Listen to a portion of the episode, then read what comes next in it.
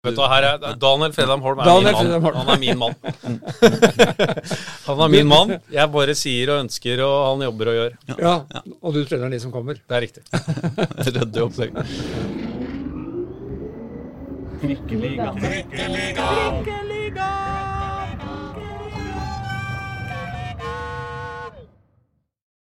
Mine damer og herrer og andre, velkommen til Trikkeligaen sesong fire, episode fire. Jeg heter Aslak Borgersrud. Jeg har som alltid ved min side Reidar Solli. Veldig hyggelig. Sportens klippe og trygghet. Eh, Men i dag har vi også en, eh, en, en gjest, og det er deg, Johannes Mosgaard. Det er meg, vet du. Velkommen hit. Takk skal du ha. Takk Og skal du ha. gratulerer med Du har blitt hovedtrener siden sist du var innom. Vet du hva det er blitt? Og det er jo også en veldig spennende greie. Så ja, jeg ser eh, offensivt inn i 2023. Bra, fordi altså, Du må jo ha en ganske bra uke. Du skal fylle skoa til liksom, han som har løfta KFUM til et historisk toppnivå. og eh, nei, kanskje Obos-ligaens mest profilerte trener. Og så kommer du inn liksom eh, fra assistentjobben, og så vinner du 5-0 i første treningskamp! det var noen skuldre. Det var, det var litt deilig. Ja, det var absolutt eh, fint. Eh, det er litt sånn, det- ja, det er januar og første treningskamp. Mm. Men det er jo sånn at eh, i den situasjonen, og når ting er nytt og man er ny, og det er endringer i spillergruppe, og det er spillersalg, og så har jeg fortsatt å ha litt trua på ting. Og da tror jeg liksom det, eh, det som egentlig er ganske uviktig i januar, ble litt mer viktig, da. Ja, Det må ha vært det, liksom. Men for deg òg? Ja, det er, det er deilig. Det, vi vet jo alle at eh, seriestart er seriestart og treningskamp er treningskamp. Men eh, jeg tror sånn for alle og, og de spillerne som er igjen og, og, og klubben, så er det litt viktig å se at i hvert fall vi ikke er at vi ikke hadde vært helt bakpå. Ja. Det er viktig. Ja. en, en ting var jo resultatet, men som vi snakka om der etter kampen, er jo også det dere viste, også spillemessig. Det er det som var, eh, som var veldig hyggelig å se. da. Eh, Veldig gledelig. Ja. Eh, veldig gledelig for oss. og det, du ble vel omtalt, Det ble jo sagt, eh, var det kanskje av deg, at det var intensitet i spillet vårt, og at det var litt fart i ting. Og, og det var egentlig det viktigste. Og det var det vi hadde snakka om de dagene. At det er det som liksom skal kjennetegne nå KFUM. At vi klarer å gjøre liksom spillerne til litt At det er et større eierskap, og en, at spillerne også tar litt mer plass sånn profilmessig. Ja. At de skinner, de. Eh, det er liksom litt av ønsket. Og det følte jeg det gjorde. da. Så var det jo, Du var jo spent òg, etter at eh, de kom hjem fra en lang ferie og skuffelsen etter i fjor høst. og Hva slags tilstand kommer de tilbake i? Og Der ble det også beroligende, skjønte jeg. Ja, veldig. Eh, Det hadde jo vært en det, Noen av dem har jo, gikk jo helt i kjelleren. Etter vi, de følte liksom at vi var med helt inn i fjor i, i det om å, å spille eliteserie. Og lå liksom lenge og presterte godt over tid. Og så fikk vi en, en prestasjonsnedgang på slutten, og den, den satte i hos mange. Men samtidig så gjorde den mange at de kjenner at liksom man er nærme igjen. Og at det er så små marginer på det å kunne være med opp, at de har jo lagt ned en vanvittig jobb, veldig mange av dem. Og det er jo spillere der som jeg ikke har sett med såpass kroppsbygning tidligere, som nå kommer tilbake med et veldig mye bedre fysisk utgangspunkt. Så det er gledelig. Ja. Det har ikke blitt, noe, har ikke blitt uh, for mye krumkaker? Det, Det virker definitivt ikke sånn. Treneren ja, spillerne nei. ja, men sånn skal det være. Ja, det er det. Um, visste du det når du tok assistenttrenerjobben i Koffa, at uh, du skulle ende opp med å, med å rykke opp? Eh, det var jo en uh, uttalt ambisjon både fra meg og Jørgen Mm. eh, når jeg kom inn. Uh, kommer fra Vålerenga. Uh, kjente jo at, eh, at det- var liksom det kroppen nå som trigga, etter å ha vært assistent i mange mange år og hatt alle andre typer trenerroller i, i en fotballklubb. Eh, så kjente jeg at det, det var liksom det som trigga meg. Eh, samtidig så var det det å få innpass i et Oslo-miljø, en klubb som var i nærheten også med tanke på familie og de tingene. Så klubba eh, K- K5 traff veldig der. Mm. og Jørgen og jeg hadde en veldig klaff på hvordan vi prater fotball sammen. Mm. og da ble vi liksom enige da om at eh, Jørgen skulle ut og opp og fram, og det samme skal jeg. Eh, og at når Jørgen går og er klar for det, gjennom de prestasjonene vi klarer å skape sammen, så skal jeg også få muligheten som trener på A-laget. Så det lå egentlig som en strategi også fra klubb, og, og vi hadde vel en åpen dialog på det alltid, og jobba mot et felles mål, da. Ja. Så om en tre-fire år, så hvor skal du da? Vet du hvem vet? Det er jo, det er jo dette med fotball, da. Du må levere. Så det, det, det er eh, Jeg er ambisiøs eh, og vet at det svinger i fotballyrket. Eh, Men der jeg står nå, føler jeg meg veldig klar for den utfordringen. Og så får vi jo får vi jo se hva tiden bringer. Ja, vi slapp å spekulere i noe som helst da i Isnes på klar for godset. Alle skjønte jo at det ble deg. Kunne ikke bli noe annet? Nei, det er jo veldig Jeg hørte at noen prøvde å si litt der og der og på Twitter og leste litt sånne ting. Eh, Men eh, jeg føler også på bakgrunn av det jeg har vært gjennom og de erfaringene jeg har hatt, at eh, jeg selv var en god kandidat om det skulle skje, basert på også det jeg har vært med på tidligere. Um, og så fikk jeg to år til å bli kjent med Obos-ligaen som assistenttrener. Og det har også vært veldig greit før man skal inn i det. Ja, det For det er Obos-ligaen er et helt eget liv. Det er kvaliker og tett opp og ned, og uh, alle kamper er jevne, så å si. Så det, det, det har vært en viktig erfaring for meg, da. Enten er det opprykk eller sånn nedrykk. Det er nesten litt sånn det livet fungerer. Enten så er du med på det som skjer oppe, Ja. eller så har du et eller annet trykkende bak deg hele veien. Men det hadde det vært mye greiere for deg om Jørgen Isnes hadde, hadde avslutta litt, litt lenger ned, da. Så for nå, nå Altså, det er jo Altså, med Koffa sin utvikling de siste tre-fire åra, så er det jo liksom det er jo, Hvis du skal løfte laget, da veit du hva som skal til. Og det starter på elite og slutter på serie. Ja, det er, jo, det er jo Det har jo spillerne uttalt hele veien at de har ambisjoner om, og det, de ambisjonene skal de få lov å ha. Eh, fordi vi kjenner at vi har vært nærme over tid. Eh, vi har vært gode i halvannet år, vil jeg si. Altså fra sommeren 2021 eh, var vi ordentlig gode. For vi lå vel ja, vi lå vel A-poeng tror jeg med Ullkisa når vi spilte der sommeren i 2021. Eh, og de rykka ned. Eh, så vi, etter det så har vi liksom så har mye løfta seg. Og Jeg tror det er en profesjonalitet og en kultur da, i gruppa som virkelig har satt seg i forhold til å jobbe hardt og vite hva som skal til. Um, og det har jo gjort at nå, nå har du en kultur som er der, og så må vi se. Uh, det er jo spillersalg uh, som gjøres ganske om dagen. Det er uh, de tre stopperne som spilte mye i fjor, Jørgen Hammer og eh, Aron Kiel, og Fredrik mm. ble jo presentert nå som Strømsgodset-spiller. Så er det jo, vi har jo, ved at vi tar steg, så blir jo vi interessante. Uh, og det er jo det jeg skal prøve også å se om vi ikke eh, nødvendigvis tar et steg tilbake, men at vi klarer å være enda mer offensive med de vi har. Da. Det vil vi være. Ja, for du skal jo bygge da et helt nytt forsvar, og det er liksom grunnmuren i ethvert fotballag. da. Det er riktig. Det er, he det er helt korrekt. Eh, så det blir en kjempeutfordring. Eh, men for meg så ser jeg på dem eh, med de spillerne jeg har der, og de, de forsvarsspillerne vi har, og den gruppa vi har, at det, eh, det er fortsatt mulig å prestere godt. og Derfor blei også den HamKam- HamKam-kampen litt sånn at eh, vi, er, vi er her. Eh, Og vi, vi kan være med hele veien i år også. Det er det vi ønsker. Ja, for da, da hadde du jo et, et nytt stopperpar, egentlig, i sammenligning med i fjor. Ja, og vi spilte med en stopper toer, ikke treer. Ja. Eh, og Det er også litt av det som er nytt, og det var derfor jeg også var litt ekstra spent. For jeg har jo introdusert egentlig ganske nye, mange nye elementer. Eh, så fra å spille med en bakre femmer til å spille med en firer. Eh, og da med, med Mo Njay og, og Ayob, og det, de gjorde det veldig godt i den kampen. Men er det sånn, sånn sånn Det er linja nå, liksom? Det er firer? Eh, det blir nok litt av begge deler. Jeg ser at vi får en liga. Jeg sitter og kikker litt på kampene. Jeg ser Raufoss ser ut til å spille med en femmer. Jeg ser at Fredrikstad gjør det samme. Ja. Eh, lag som ikke har gjort det tidligere. Så jeg tipper det blir mer av det. Eh, og måtte kunne bryte ned det, håndtere det. Og så tror jeg borte så kan det bli å bruk av femmer hos oss. Og så tenker jeg hjemme at vi har en enda mer offensiv tilnærming til spillet enn det vi har hatt tidligere. Ja. Men for det er det du tenker, at når du bruker femmer, så, så er det for å så er det for å spille defensivt, liksom? Ikke Eller for å- for å spille defensivt, men det er, en, eh, det er litt med antall spillere hvor du flytter fremover i banen. Mm. Og du står veldig godt i overgangsspill og, og i den lave organiseringa når du har tre midtstoppere. Eh, Og det har vi funnet ut, og det har gitt oss gode resultater. Og det har utvikla gode stoppere, i og med at to av dem er jo Eliteserien nå. Så det, er ja. det er en bra sak. eh, Og da utfordrer du da de to stopperne som er der nå, på å håndtere større flater og forsvare. Og så må vi se om vi er gode nok til det. Hvis ikke så mot HamKam så la jeg ham i pausen. Og da spilte vi med en, med en fem i annen omgang, håndterte det veldig godt også. Så jeg mener at dagens fotball krever at spillerne er eh, mer dynamiske. Kan håndtere flere kampklimaer og strategier. Eh, jeg tror det er veien å gå. og Det er i hvert fall det man også ser eh, internasjonalt. Så jeg, jeg vil gjerne utfordre spillerne mine på de tingene også. Men tenker du det som et, et, et uh, mm, selvstendig trekk, eller som et mottrekk? Går det an å skille mellom det?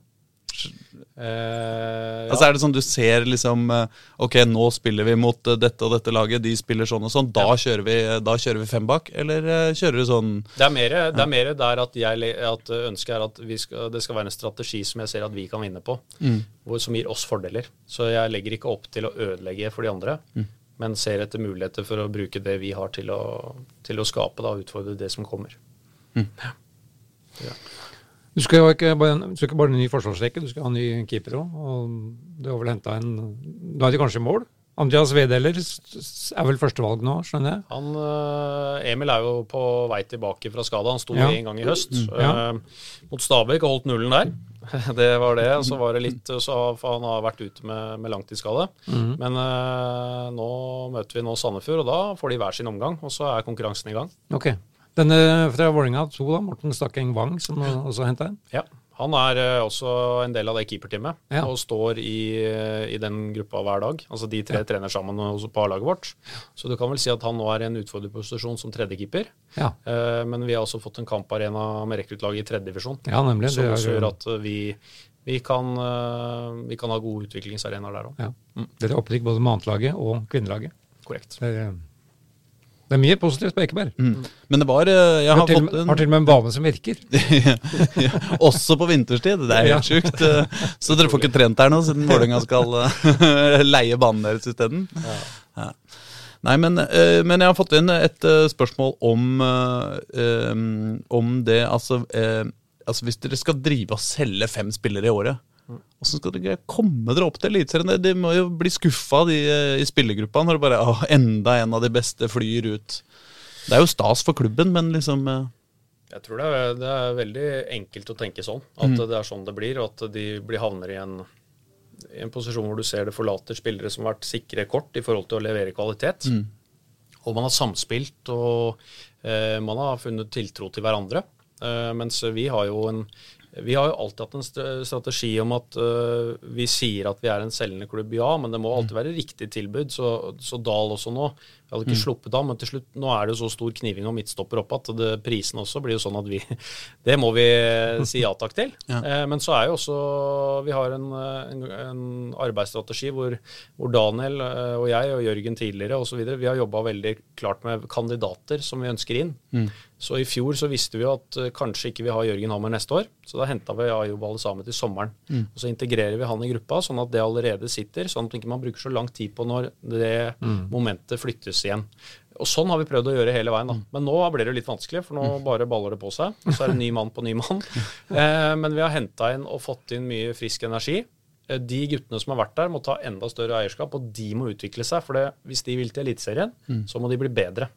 Og det er den drivkrafta vi går etter, og det er den jeg føler at de har, når jeg har møtt opp i, i nå. For du kan tenke deg at hovedtreneren går, og spillere går, og ikke sant. Alt dette er sånn. Men uh, jeg tror vi har peila Jeg har peila peila pila inn på at vi skal opp og fram. Og egentlig hva er det du har tenkt å gjøre for at vi skal få til det her. Eh, Så egentlig har jeg ikke sett så mye bakover. Vi ser framover. Det går an å tenke seg at liksom, hvis, du, hvis du hever halvparten av troppen med 20% så får du solgt de halvparten.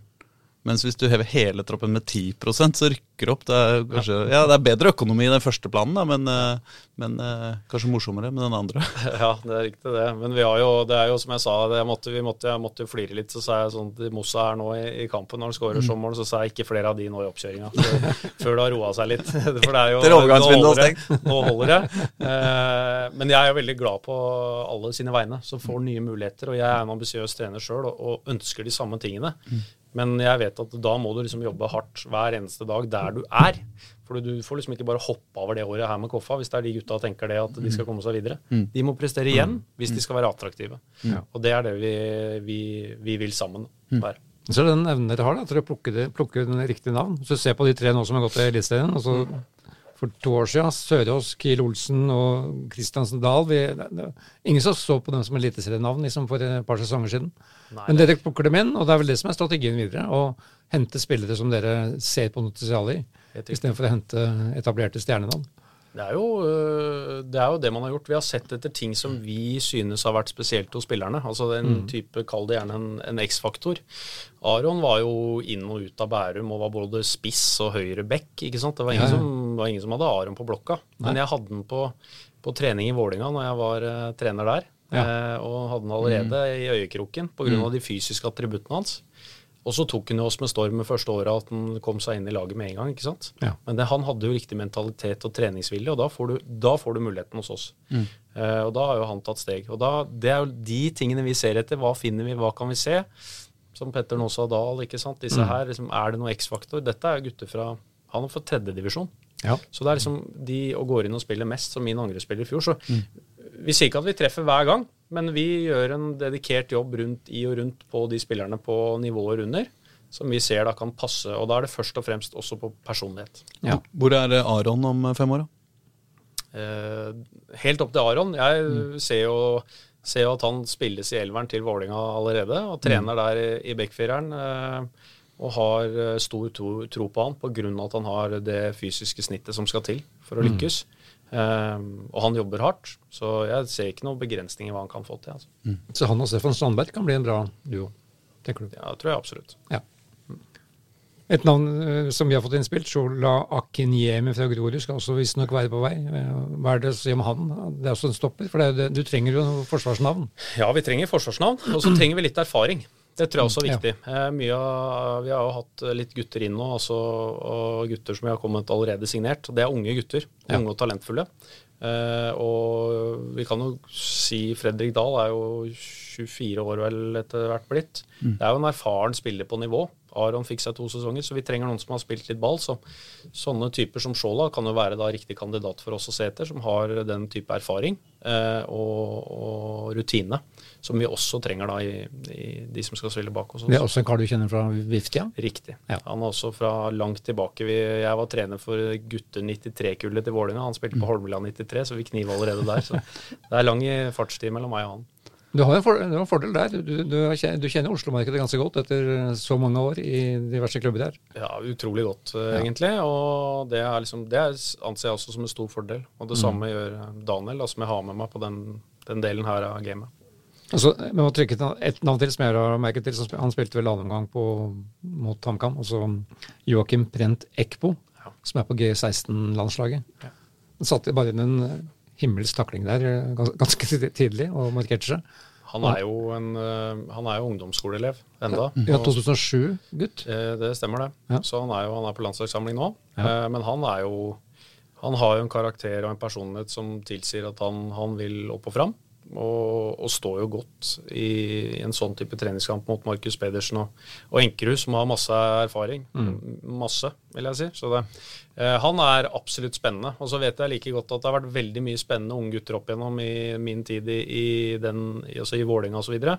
Men det er jo de som klarer å holde det riktige fokuset og jobbe godt hele veien. Så uansett hvor kjedelig det svaret er, så er det svaret.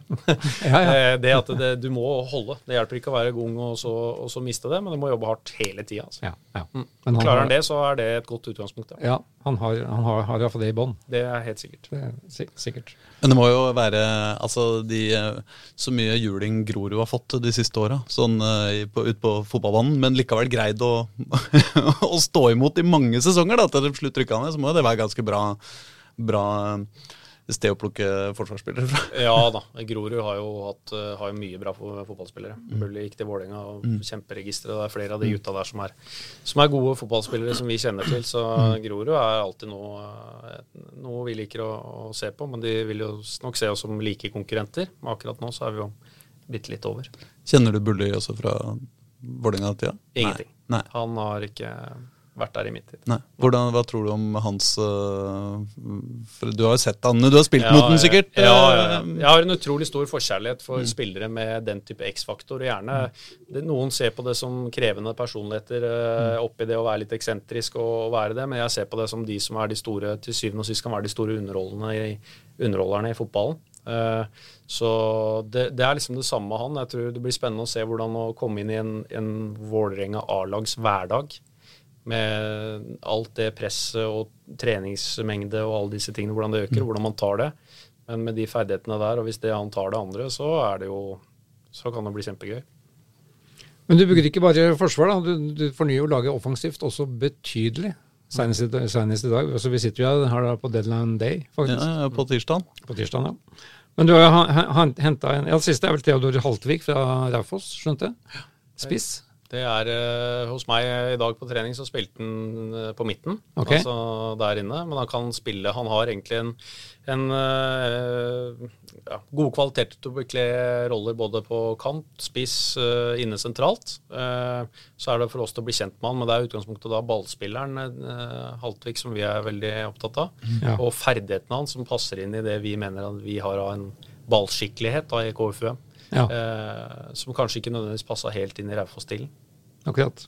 Og så er det da Thomas Klemetsen Jacobsen, som skårte da det første målet vel, på fredag. Og som egentlig er en forsterkning, han òg, i og med at han spilte halvår fire kamper som innbytter i fjor. Ja, han, det det? han ble jo skada med en gang. Fikk jo en langtidsskade og kom liksom aldri helt på, på beina igjen. Eh, men er tilbake nå og har sett veldig bra. Trener bra.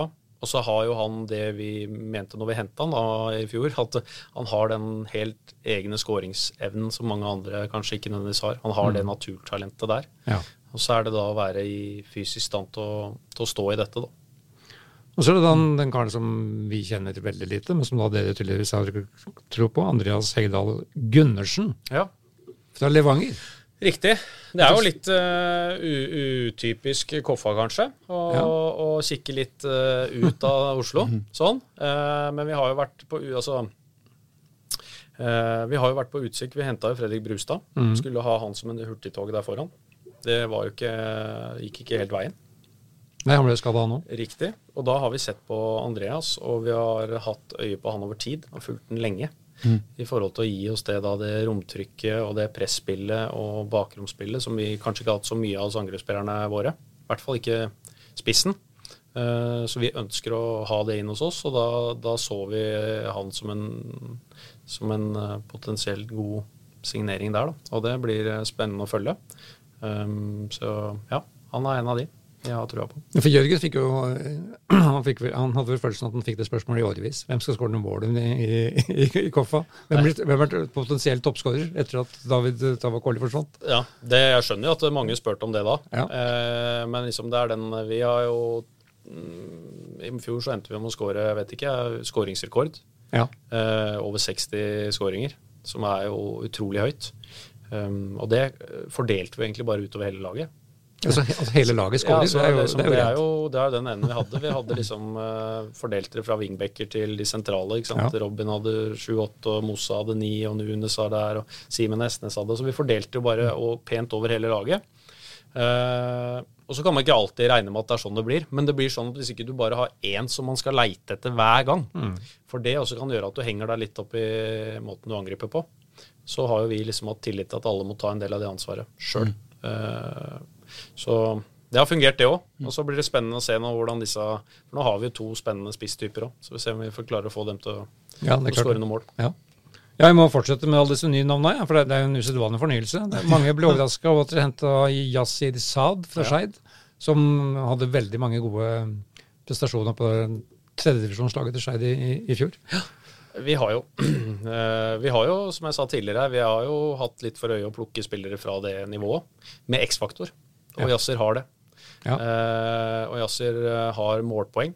Har veldig mye målpoeng i, fra tredjedivisjonskampen hans Skeid i fjor. Um, og da ser vi jo at uh, det er noe vi kunne tenkt oss uh, i, framover i bane hos oss.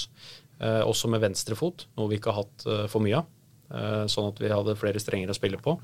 Og han er den, en av de som legger ned flest løpsmeter. Han har en helt enorm sånn innstilling til å jobbe hardt, i tillegg til X-faktoren. Så han har jo de tingene. Så når jeg satte meg ned og snakka med Yasir, så var jeg helt sikker på at han var riktig for oss. Men hvorfor lot Skeiden gå? Det lurer jeg på. Uh, nå skal ikke jeg ut, Det blir tøft for meg å uttale meg om en del av de tingene der, for jeg er jo også god kamerat med Gard, som er trener der. Så det var, de valga de tar, det, og det som skjer på Skei, det, det får de stå for. Jeg ser det som en, akkurat dette som en kjempegevinst hos oss, da. Ja, han, ja, og også han var jo morsom å se på. Nå, han spilte fra start mot HamKam. Riktig. Men det er ikke som du har noe på gard, liksom? Som han, han gir dere spillere bare for Jeg å være kan nok ha noe på Gard, men eh, jeg tror ikke vi, jeg tror ikke vi skal havne på det nivået helt ennå. Vi får se hvordan sesongen utarter seg. Men eh, nei, vi, meg og Gard vi, vi snakker fag sammen mm. og er gode venner. Så det var jo til og med litt hjelpemann eh, der, før, før du helt havna, i Koffa, husker jeg. ja, jeg var jo etter jeg var, eh, fikk sparken i Vålerenga, så trengte jeg å holde meg ved like som Ja. trener. Og da var jeg med Gard i tre måneder og trente Skeid. Um, så vi er, eh, vi er der. Så vi er opptatt av fotballfaget, og så får vi konkurrere fælt de to gangene vi møter hverandre i året. Oslo-fotballen er nesten som politikken innimellom. Altså det, det, er jo, det er jo Folk hopper fra det ene til det andre, og alle har armer inn her og der. Ja. Ja. Nei, det, er, det, blir jo litt sånn. Vi har jo vi, ja, vi har gått samme utviklingsløpet fra liksom guttetrener i Vålinga og alle mm. stega. Og så har Gard vært ute og reist litt i Tromsø og Stabæk og sånn. Og så, så, har vi jo havna der vi har lyst til å, å havne til slutt. Nå, ja, nå har det jo blitt ordentlig prestisjeoppgjør, de, de, duellene der, da. Ja, det, helt, ja det, blir kjempe, det, blir kjempespennende, så jeg gleder meg veldig. Ja. Og, ja, I fjor ble det jo stor avstand mellom lagene, men eh, jeg tror ikke Ja, det var nesten litt merkelig, ja. det vil jeg påstå, i fjor. Altså, jeg vet ikke, hva 8-0 i differanse der, eller 3-0 og 5-0 eller noe? Ja, det, sånt, ja. ja, det er vel vi er på noe sånt, tror jeg. Ja. Så det Jeg tror Jeg vet ikke. Det var spesielt, de to kampene, syns jeg. Uh, jeg tror de er tettere, i år. jeg syns Skeid så bra ut siste halvdel av sesongen i fjor. Etter de ja, starta dårlig, så syns jeg de så gode ut. Men det største tapet kom mot dere. Ja, ja det gjorde det. Ja. Uh, så det, det, det jeg, jeg tenker vi fortsetter med det, egentlig. Ja, ja da. Vi Holder det der. Så Johs Arne på gard, det er det jeg sier. vi bare starter, ta det, ta det videre derfra. Så det blir spennende. Vi gleder oss til det. Ja. Er du gjennom lista nå, Reidar, eller er det enda flere som jeg har glemt? Jeg har jo enda mer, jeg, men det, det kan vi vente med. da. Men, men klart, klart jeg synes det var morsomt med han Christian Årstad, også, som skåra mot HamKam. Ja. Som er ekte Koffa-gutt. Ja. 2005-årgang. Ja. Eh, han er oppvokst på Ekebergsletta, liksom? Ja, han er oppe på Ja, det er morsomt å få fram noen sånne helt lokale òg. Ja, eh, Christian Årstad var jo um, i takt med at klubben tok store steg, mm. eh, altså rent på A-lagsnivå, så gikk jo det veldig fort til at man ble en, en gikk mot en mer profesjonalisert hverdag, så, så, fikk man ikke helt de samme stegene til å sitte resten av klubben. Det å ha med en utviklingsavdeling som liksom er på det samme tenkninga osv. Og, og, og den gangen så hadde Kristian allerede et eh, stort talent da, så vi valgte å prioritere han. Mm. Uh, som en av de som vi tok opp tidlig, kanskje litt for tidlig, sånn hva man egentlig kanskje ellers ville gjort. Ja. Men tok opp han og satte han inn i A-lagsgruppa. Han har vært med og trent uh, lenge sammen med oss. Um, han var landslagsspiller da, den gangen til og med. Uh, så det er klart han hadde jo, hadde jo et veldig eh, stort potensial tidlig. Og så er det jo dette her som jeg sa, at i forhold til at ting svinger veldig i fotball. Og med han så har han profesjonaliteten har vært der hele veien. Mm. Og det får man jo belønning hvis man klarer å stå i det over tid. Da. Så det var veldig gledelig å se Christian komme inn og, ja. og levere nå. Mm. Og så må vi jo nevne trikkeligaspilleren nummer én, da, som har vært i Stabæk, Grorud, Kjelsås og Koffa i løpet av et drøyt år, er det vel?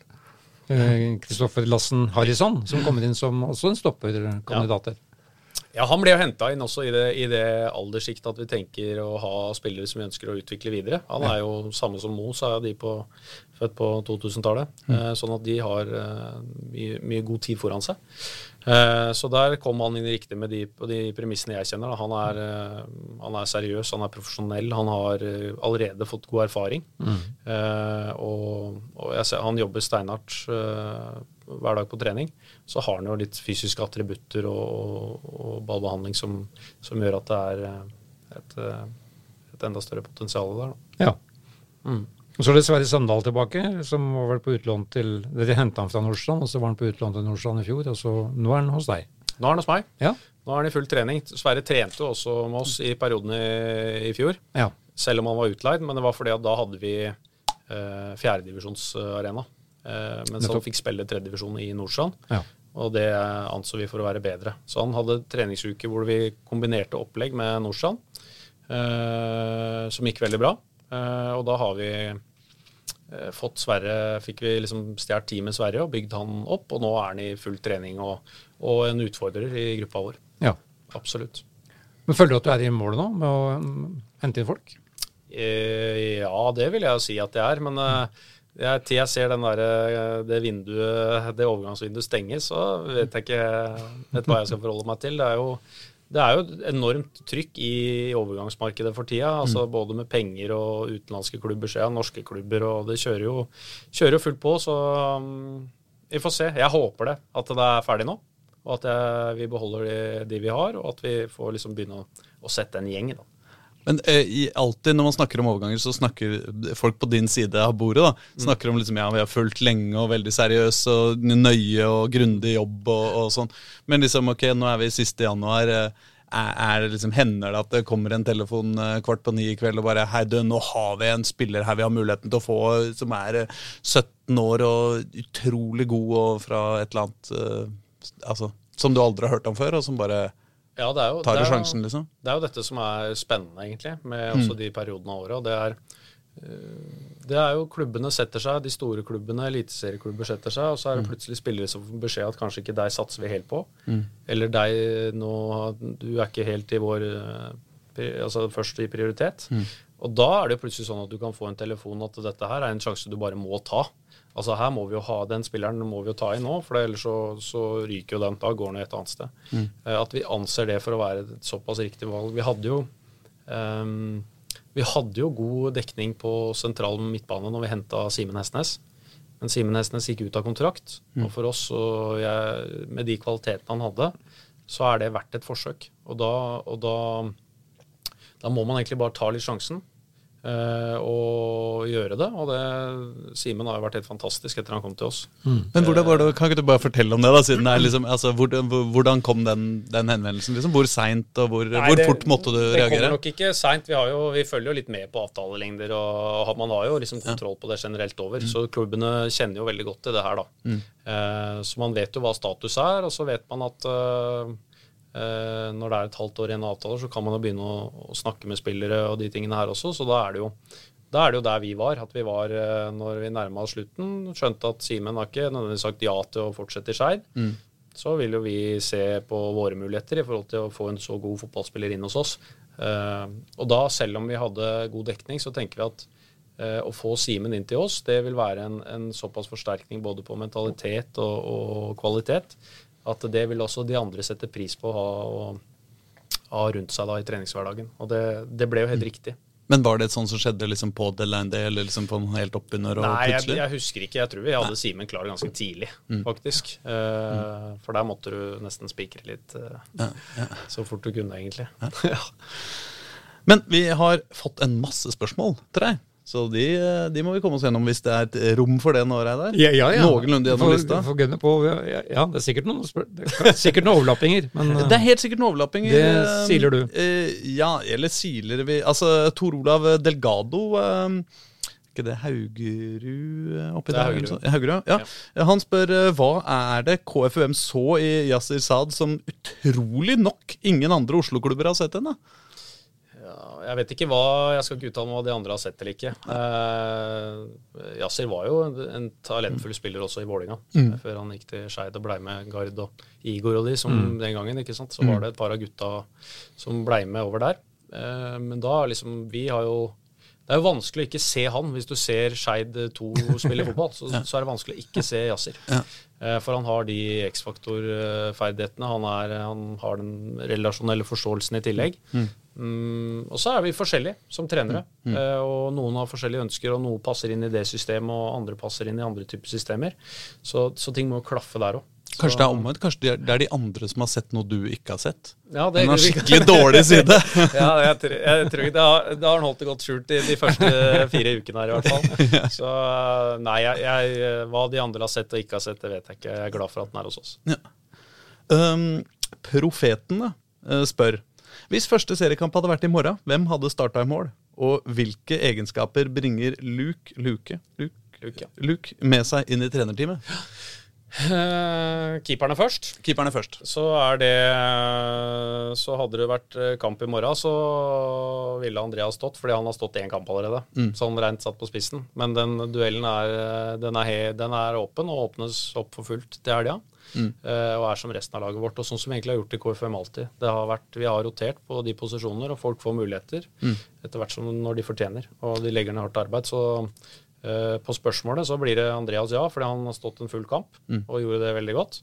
Eh, spør du meg om en uke igjen, så er jeg ikke sikkert vi sier det samme. Men er du eh, Altså, det er jo eh, Keeperuttak er jo det kjedeligste som finnes i hele verden, holdt jeg på å si, sånn sett fra utsida. Når først en har etablert seg og spiller eh, greit, så, så blir den aldri bytta ut. Er du, er du der? Er du på, veldig på å gi dem trygghet, eller, eller er du åpen for å bytte litt på? Jeg er veldig opptatt av at de skal vite hvor de står, og vite hvor de har meg igjen. Mm. og vite hva jeg forlanger av dem. Så jeg vil ikke ha sånn at de, han står, og så er han redd for én feil, og så skal du byttes ut. Den, den strategien kommer ikke.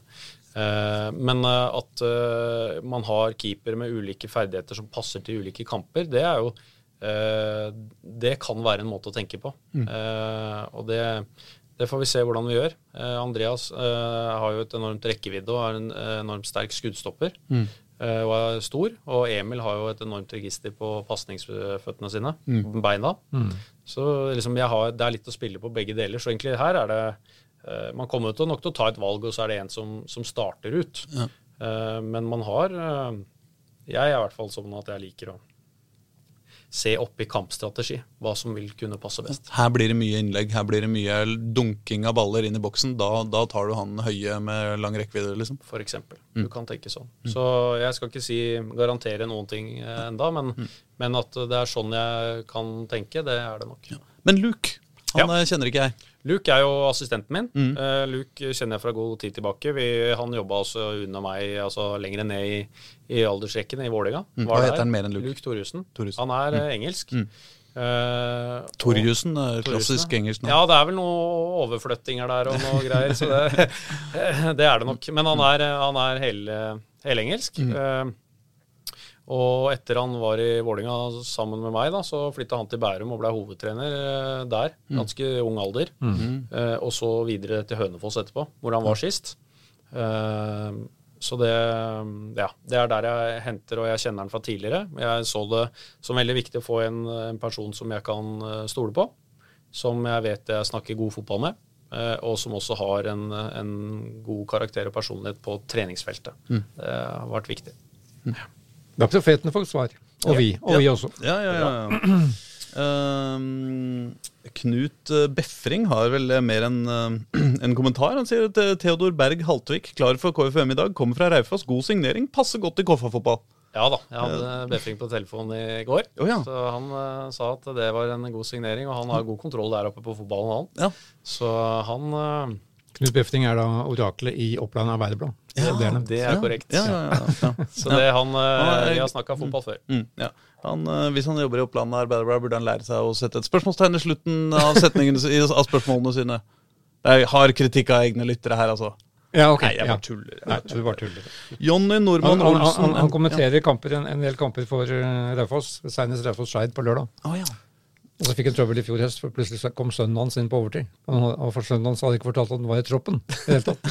Han ville helst ikke kommentere kamper hvor sønnen hans er med.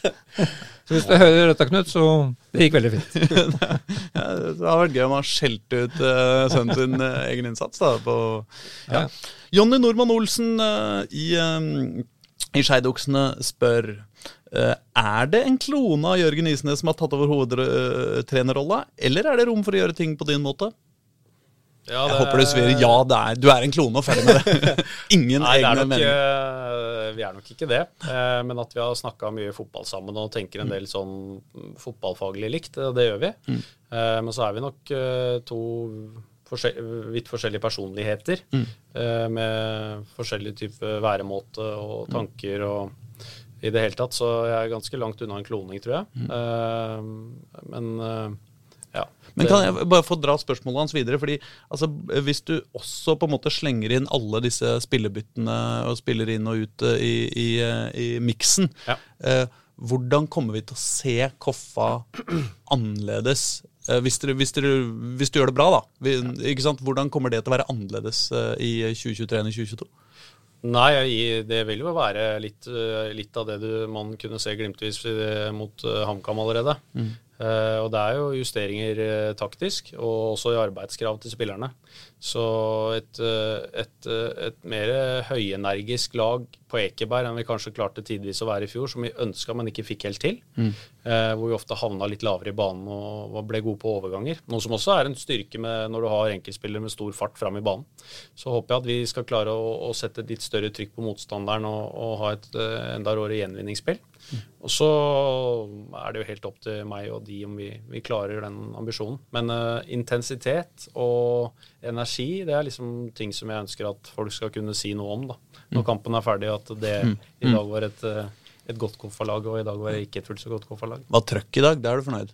Ja, det skal være litt sånn, ja. Det er ikke og det er ikke nødvendigvis gjennom det at det skal være duell og andreballen andre ballen og ikke sant, den litt ropinga der, men det er gjennom det og når vi vinner ballen, trekker den ut fort, spiller raskt framover. Sånn at motstanderen ikke får tid til å organisere seg hele tida, de tingene her. Sånn at folk liksom blir tatt litt av, av entusiasmen i spillet. da. Det håper jeg. Og det, vi har spillere med masse kvaliteter, så det tror jeg vi skal klare å få til. Hvordan, hvordan blir det på sidelinja da? Er, altså, Jørgen kunne jo hisse seg ganske mye opp og havna i klensjer og fikk vel gult kort et par ganger. Ja, og rødt kort. Rødt kort, ikke, ikke minst. Nei, eh, vet du hva. Eh, godt spørsmål. Jeg har ikke jeg har ikke lagt noen strategi på hvordan jeg ønsker å være på siden. Eh, så jeg tror liksom tiden vil vise. Eh, men ikke kanskje Han klarte å hisse på seg Tor André Flo, og det er vel ikke så mange som har klart. Nei, tror jeg. det tror jeg, det tror Så han er, det er ganske unikt. Ja. Isnes har et helt eget nivå der. Så jeg tror ikke jeg skal ha Jeg har ikke noe mål om å, om å, om å kopiere det eller å, å levere det samme. Jeg tror jeg bare jeg finner noe som kler min personlighet og min, eh, min ledestil, der jeg fortsatt føler at jeg må ha en, en oversikt over det som skjer på banen. Altså ikke bli, Du kan fort bli litt tapt i det som skjer hvis du blir for vill, tror jeg da. Ja. Eh, Så jeg har liksom lyst til å kunne Jeg må klare å ta et steg tilbake og se hva som skjer, så man gjør de riktige endringene og korrigeringene. Det håper jeg får til. Så når du møter Gard Holmen, så tror jeg ikke dere kommer til å gå i strupen på, på hverandre. Nei, jeg vet ikke. Jeg og Gard har spilt på samme lag. Vi spilte på Vålinga 3. Altså okay. sånn i, i fjerdedivisjon en gang i tida. Og jeg var spiss, og Gard spilte stopper. Og det var, jeg tror vi hadde Vi var, altså vi kjefta på hverandre kontinuerlig fra posisjon til posisjon, fra start til slutt. Så det kan nok bli interessant mot Gard Holm òg, ja. Oss imellom. Ok. Ja. Jeg ser for meg Koffa Nordstrand oppgjør jeg, med disse brødrene Holm. Kan vi også, de, kanskje de går i klinsj med hverandre også? Det er, det, ja. Thomas er, er jo en mer en, en fartsfylt person. Daniel er jo veldig rolig og, og sindig. Så hvis han klarer å hisse på seg Daniel, da har du gjort, da har du gjort noe riktig. Det er Thomas som vinner den fighten, mener du? Ja, jeg er ikke sikker på det. Daniel har noen iskalde blikk som han, du må forholde deg til der. Jeg møter, møter Skoffa og to og Nordstrand? Ja, jeg tror det er i tredjedivisjon. ja, ja, det gjør vel det. Ja. Men vi må uh, videre gjennom Jonnys uh, spørsmål. Han har jo tre av dem. Føler du at naboene på Ekeberg motarbeider stadionplanene? Ja, de jobber i hvert fall ikke med, så det kan vi, bare, det kan vi si med en gang. Det er, eh, folk har forskjellige synspunkter. Det, naboene har trenert eh, alle prosesser så mye som de kan. Eh, og det er sikkert sånn naboer gjør når man ikke vil ha det. Eh, jeg syns det er utrolig synd. Og det hindrer vi oss litt i å ta det neste steget, da, mener jeg. Så, og det gjelder hele nærområdet, og jeg tror det blir en Jeg tror det blir et kjempeløft. Det er sånn som med alt nytt. Vi nordmenn er ikke så veldig gode på alt som er nytt, nødvendigvis bestandig. Så jeg tror liksom de hadde blitt fornøyde når alt kom til alt. Men det er de ikke per dags dato. Jeg mener Tor Erik Stenberg, altså daglig leder i KFM, satte meg eh, i november at nå går man inn i det er 13 år, tror jeg, man holder på med den, eh, med den stadion og de stadionplanene. Ja da, det, og de, man finner jo nye strategier på å trenere, og du vet jo, ikke sant, bruker du de riktige menneskene, så vet man jo Det fins jo så mye byråkrati og så mye håndtering at det, Eh, Ja. Det, var, det var, tok vel sin tid med Vålerenga stadion, eh, husker jeg også. Det var mye fram og tilbake, men det er jo stor stas når det kommer. Og da Ja da. hører du ikke så mye etterpå. Altså. Jeg var på Korsvoll i sin tid, eh, jeg var med halv der, og det tok 19 år før den kom. Nå sto den klar i fjor høst. Ja. til, fordelen til Vålerenga er at alle som bor i Vallefaret, er, eh, har flytta inn dit fordi de er Vålerenga-fans. Ja. Ja, ok. Så nå har det blitt positivt. Um, spørsmål tre fra Jonny. Hva er den kuleste fotballdrakta du har sett? Og det, det må jo vel være den kuleste fotballdrakta. Det, det var en dyping. Det må Jeg vet ikke. Det må vel bli han derre der meksikanske keeper, landslagskeeperen en gang i tida. Han Campos som hadde noe sånn fargepryd på trøya si som var helt Ja, Eh, VM 94, fire, tenker jeg. Riktig. Ja.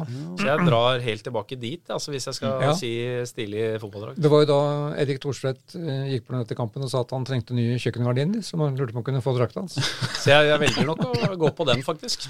Var det, er det sånn, eh, sånn drakt hvor du hvis, du hvis du ser veldig lenge på den og myser, så ser du sånn 3D-bilde som kommer ut i Ja, Det er nok ikke Det er i hvert fall underholdende, i hvert fall er jeg sikker på. Ja. Det er det, altså. Så jeg går for den. Bra. KFM, nei, Mexico 94. Overraskende svar, Ja, men, men veldig godt. Ja. bra. um, Kristoffer eh, 2605 spør hvem av ungguttene får det store gjennombruddet i år? Godt spørsmål. Godt spørsmål. Mm, jeg tror jo flere er i stand til å ta steget eh, av de vi har. Det blir spennende. Jeg håper jo og tror at Jazzy får et veldig, godt år. Ja, for du har, et gammelt, du har et ungt lag. Jeg fant ut at Robin eh, er eldstemann på laget nå. Han er 94 år i gang. Det er riktig. Ja. Så det er jo eh, det, er, det er den eldste, ja. På, Han har akkurat blitt 29 år gammel. Så Ja. det er et veldig ungt mannskap. Og Uh, mange som får muligheten til å ta et ansvar de kanskje ellers ikke ville hatt. Så det, det blir gøy, det der. Ja. Steinar Pedersen har stilt et spørsmål som jeg overhodet ikke forstår. Jeg vet ikke om du har vært og, og kikka på Twitter-feeden, men han skriver så mange spørsmål, så mange svar, og så poster han et bilde, et bilde her av, av deg som blir intervjua ute på et eller annet kunstgressbane et sted. Ja. Eh, er, er, jeg, jeg vet ikke om det er på Koffa-TV eller et eller annet sånt? Ja, eh, det er, det er jo i Østfoldhallen med Ja, han, eh, han kommunikasjonsansvarlig hos oss, jeg. Ja, nettopp. Ja, ja, ja. det er det. Ja, jeg, jeg, så det er, ikke noe, det er ikke noe her? Nei, ja, ikke, ikke som jeg vet, i hvert fall. Nei, nei, det er i hvert fall nei. eh, Jeg er på jobb. ja, ja. Men han sendte det inn som et spørsmål. ja, ja sånn, sånn forstår jeg det. Ja. Samme det. Vi, har ikke, vi skjønte ikke spørsmålet, og vi har ikke noe svar. Nei. Eh, Men Dilleren spør et slags oppfølging til eh, et par spørsmål eh. Eh, Dilleren eh, som heter Halvard Telle Ja. eh, på Twitter. Når står det en ny stadion klar på Ekeberg? Ja. Hvis det var en- det var 19 år det tok på Korsvoll, så var vi seks år igjen. da. Ja. ja, men har du noe har du, liksom, Nei, det er, på- på jeg, vet du hva, jeg, jeg har hørt alt fra at vi skulle begynt i fjor sommer, til at vi begynner nå, til at vi eh, Så jeg, eh, jeg har liksom lært meg til at bare de prosessene jeg ikke får styrt eller styrer, det er jo sånn jeg legger helt vekk. Og, og så krysser jeg liksom fingra for det beste. da. Ja. Jeg tror vi skal få inn Stenberg som gjest her eh, i løpet av våren. Ja, det tror jeg har vært Så- interessant. Så kan vi få forelesningen Ja, ja. Eh, men Det er bare så, så deprimerende å snakke om sånne ting som, som han bare står. venter på. Ja, ja, ikke sant? Det er gøyere å snakke om ting som er i ferd med å bli bygd. Ja. Um, Fredrik uh, ja, han spør hvordan du tror uh, Kiel Olsen vil gjøre det i Eliteserien. Har vi jo vært inne på. Men, Var innom det. Uh, helt avgjørende hvordan han tar, tar instruksjoner og, og coaching hos Fagermo. Mm. Få spillestilen under huden så fort som mulig. Fagermo er veldig tydelig på, på 4-3-3-systemet sitt, så han må håndtere det, de fasene og de kravene som kommer der. Eh, fysisk, ingen problemer. Eh, og så er det å ta den intensiteten, og så er det trøkket eh, som kommer med å være i Eliteserien. For det er en helt annet trykk på kampene enn det er i Obos-ligaen. Og det fikk vi erfare i Bergen i fjor. Mm. At Ja. det gjør noe med deg når det er 13 000 pluss på tribunen. Eh, alle de tingene er, blir nytt, og det blir spennende. Men jeg tror han er offensiv og, og klar for å ta det, så eh, ja. Jeg taler Aron sin sak der. Bra. Endre Lybekk eh, spør hvordan Og her, her, her er det noe jeg ja. også sliter med å henge med. dette er veldig internt. Hvordan, hvordan var det å høre FC Oslo-supporterne synge navnet ditt i opprykksbataljen med KFUM2 på Bjølsen i fjor høst? No opprykk, no party. Det var jo, det var jo en kniving med KFA2 og FC Oslo for å rykke opp. Det er ikke noe å lure på. Eh, og FC Oslo havna jo ordentlig i førersetet en periode der mot når det nærma seg slutten. Eh, og når vi var på Bjølsen, så Jeg kjenner jo litt av gutta som er der, og sånne ting. Og da uh, den kampen så var jeg med uh, Lybekk ned på benken og instruerte og, og, Ja. og for å liksom å hjelpe til med det vi kunne for å, for å prøve å få igjen et resultat. Men for, Eh, unnskyld meg, var det ikke Nei, for dette var ikke samtidig som dere spilte. Nei, dette er ikke samtidig. Mm. Dette er jo en Eller sein torsdag, Ja. Mm. tirsdag kveld, et eller annet, mm. nede på Bjølsen. Så da var jeg med der, og da fikk jeg litt sang fra, fra haugen, men det ser jeg Mm. alltid på som noe positivt, ja, da, at de tar seg energien til det. Hva var det de sang om deg, da? Nei, jeg vet ikke. Det var, det var ikke nødvendigvis positivt. Nei, det ville var vært ikke. det, ville, det var det ikke.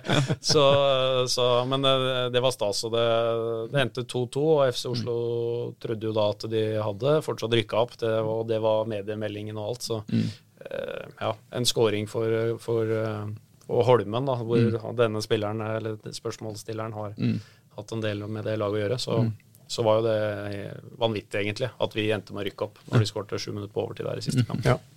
Dette beskrev da Jørgen Isnes meget levende da han var sist der i fjor høst. Han sto vel litt på haugen der og ventet. Ja, riktig. Eh, Stian Kjernås Dahl spør Mener du at du er den treneren i toppfotballen med best pasningsfot. Eh, Ikke fot, men føtter. Å ja. Det er et sånn Så det er, her snakker vi både høyre og venstre. Så, Er begge best, eller er det totalen som er best? tror- ja, altså begge er, begge er meget. Mm. Uh, men jeg har jo alltid hatt, i, i og med at jeg i Vålerenga i mange år var eh, spillerutvikler og toppspillerutvikler, så har jeg brukt mye tid på å slå pasninger og innlegg Mm. til både angripere og, og midtbanespillere og alt dette her. Så jeg er jo beggebeint, så det endte jo med at jeg etter hvert og mente jo sjøl at jeg hadde et høvelig nivå. Og gutta var godt fornøyd. Så det var vel seinest i går jeg sendte Mathias Williamson eh, når han hadde bursdag, et lite videoklipp fra da han ba om innlegg først fra høyre og så fra venstre på trening i Vålerenga. Ja, For da, det naila du, liksom? det hadde jeg full kontroll på. Så det Nei da. Jeg har eh, to gode pasningsføtter, eh, og det stopper vel egentlig der. Ja, nettopp. Men hvem er, hvem er nest best, tror du? Ja, det er nest best. Altså, siden du, siden du mener du er best, så må jo det tyde på at du har gjort en liten vurdering av de er jeg andre. litt forsiktig, da. Jeg har ikke akkurat gått gjennom Obos-ligatreneringen. Det kan jo være en annen der som har noe gode i, i toppfotballen her. Altså, det er ikke bare Obos uh, her. Her er du opp mot uh, Rekdal og Kan passe på hvor høyt jeg går ut her, tror jeg. Ja, ja. Det er en del eh, føtter, men det er en del av disse karene som er ordentlig ute av form òg. Så vi får se. Men eh, nei, men det har vært fint. Det har det. Men spør, spør du han dagens Rosenborg-trener, så får du et klart svar, tenker jeg. Ja, det, ja, det er helt sikkert. Det er Så ikke han, sikkert at, han, hadde, at uh, han hadde en solid fot, han altså. ja. Nei, Det er ikke Men- sikkert at han vil trekke fram deg hvis han blir spurt om hvilken av Nei. topptrenerne i Norge som har er best ganske, pasningsfot. ganske sikker, men Kjetil har jo sett meg slå noen baller, så Men apropos det, høyre-venstre, burde, burde alle spillere klart det og trent opp å være like gode med begge beina? Nei, jeg tror Eller er det noe med naturforutsetninger? Jeg jeg tror det er noe med den, den Jeg tror de som Venstrebeinte spillere er jo ekstremt venstrebeinte ofte. Eh, altså Messi og de, ikke sant. Det blir jo en spisskompetanse, og, og det å kunne på altså, ja, Om det er Pål André Helland eller ikke sant, at de får en sånn fortrinn Det virker som de, de har litt mer følelse, da. Litt de som er venstrebeint, og de høyrebeinte har- er solide. Eh, men jeg mener at å kunne beherske begge deler eh, Jeg husker Christian Grindheim han slo jo 60 meter pasning Ja. hit og dit med begge beina. Det er jo selv, selvfølgelig en fordel Ja. å kunne gjøre det og avslutte med begge beina og sånne ting. Men det er ikke noe sånn at jeg trakter etter. Jeg tror bare du må ha et habilt nivå på det dårligste. Det er det jeg tenker. Ja, ok. Nei, for jeg husker jeg snakka med Morten Gams Pedersen om det. Altså den gamle veteranen, landslagsveteranen. Ja. Og han var jo opprinnelig høyrebeint. Ja. Men så fikk han beskjed om å trene opp venstrebein òg. Mm. Og da ble han, han ble kjent for venstrebeinet Ja, det er det han har vært, eh, og det ble en spesialist på, vil jeg si. Ja, det er jo det. Det gjorde han. Så nei, jeg tror Jeg vet ikke. Det er jo folk Det er jo som i håndballen. og din En venstre bakhånd Altså en bakhånd med bakhåndspiller med venstre. Det er, det er litt ekstra, det, altså. Ja. Um, Øystein Carlsen spør. Eh, ja, det ble veldig okay. deilig eh, vinterstemning her nå. Er Bra å ha vinduet oppe. Perfekt. Jeg tenker på grønne gressbaner. Det her er ikke populært. Nei, det er ikke det. Når, eh, når er neste trening? Og har du er måkebilen klar? Det er i morgen tidlig, ja. Ja. Har, du, har du en på Koffa som, som kjører over banen? Ja, der suser de og kjører. Der er de helt fantastiske. Så det er varme på banen, og de, de jobber på, de, altså. Så vi får trent. Ja, bra. Men Øystein Carlsen spør, eller skriver, ser ut til å være flere lovende spillere som er tatt inn i kro troppen, ikke kroppen. Eh, troppen til Koffa. Men hva med alderssammensetninga? En overvekt av yngre spillere? Hva med noen eldre spillere med erfaring? Ja, da, nå kan jo det hende at det skjer, at vi sikrer etter noen med, med erfaring. Men uh, erfaring, erfaring er ikke nødvendigvis bare basert på alder, men også antall kamper for meg. Så vi har god kontroll. Vi har mange spillere etter hvert som har opp- opparbeida seg et godt nivå på antall kamper. Og så er vi i en posisjon der når jeg selger til Eliteserien, at ikke jeg kan hente fra Eliteserien. Eh, så vi må hente fra de som har mindre, og jo flere jeg selger, jo flere blir det av de da. Så det er jo, det er jo bare gangen i det. Eh, så vi må bare tro på at det blir bra. eh, Og tro på at den standarden vi har satt med de som er igjen i kvalitet i, i hverdag, det, det vil løfte de andre raskere enn det, det kanskje ellers ville gjort. Hva er strategien økonomisk nå? Altså, dere får jo litt bedre økonomi. Det, det gjør man når man selger tre mann til Eliteserien.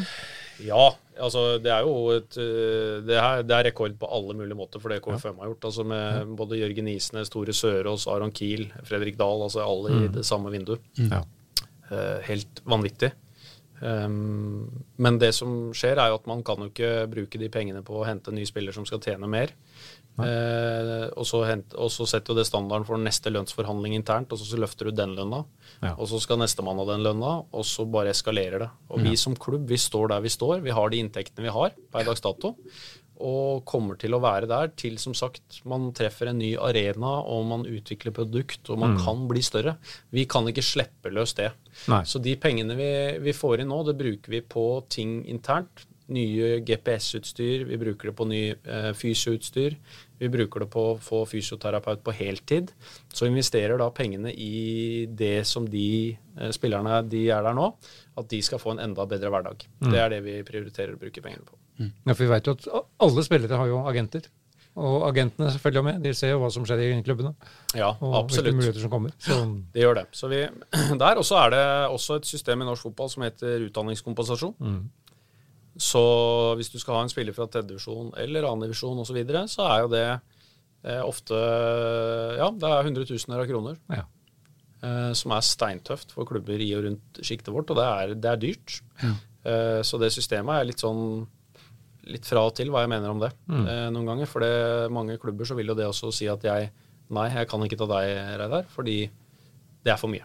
Ja. Eh, og da må du være igjen i tredjedivisjon. Ja. Årvoll skal ha så innmari mye utdanningskompensasjon for deg. ja, ja, det skjønner jeg godt. Så det er, den, er, den er vanskelig. Det er- Jeg mener det er kjempevanskelig, for det er eh, det er muligheten til de spillerne. og Det, ikke sant? det er jo én ting å hente en spiller fra Eliteserien eller Obos-ligaen som du vet har nivå. Så er det en annen ting å ta en fra tredjedivisjon og finne ut om han har nivå.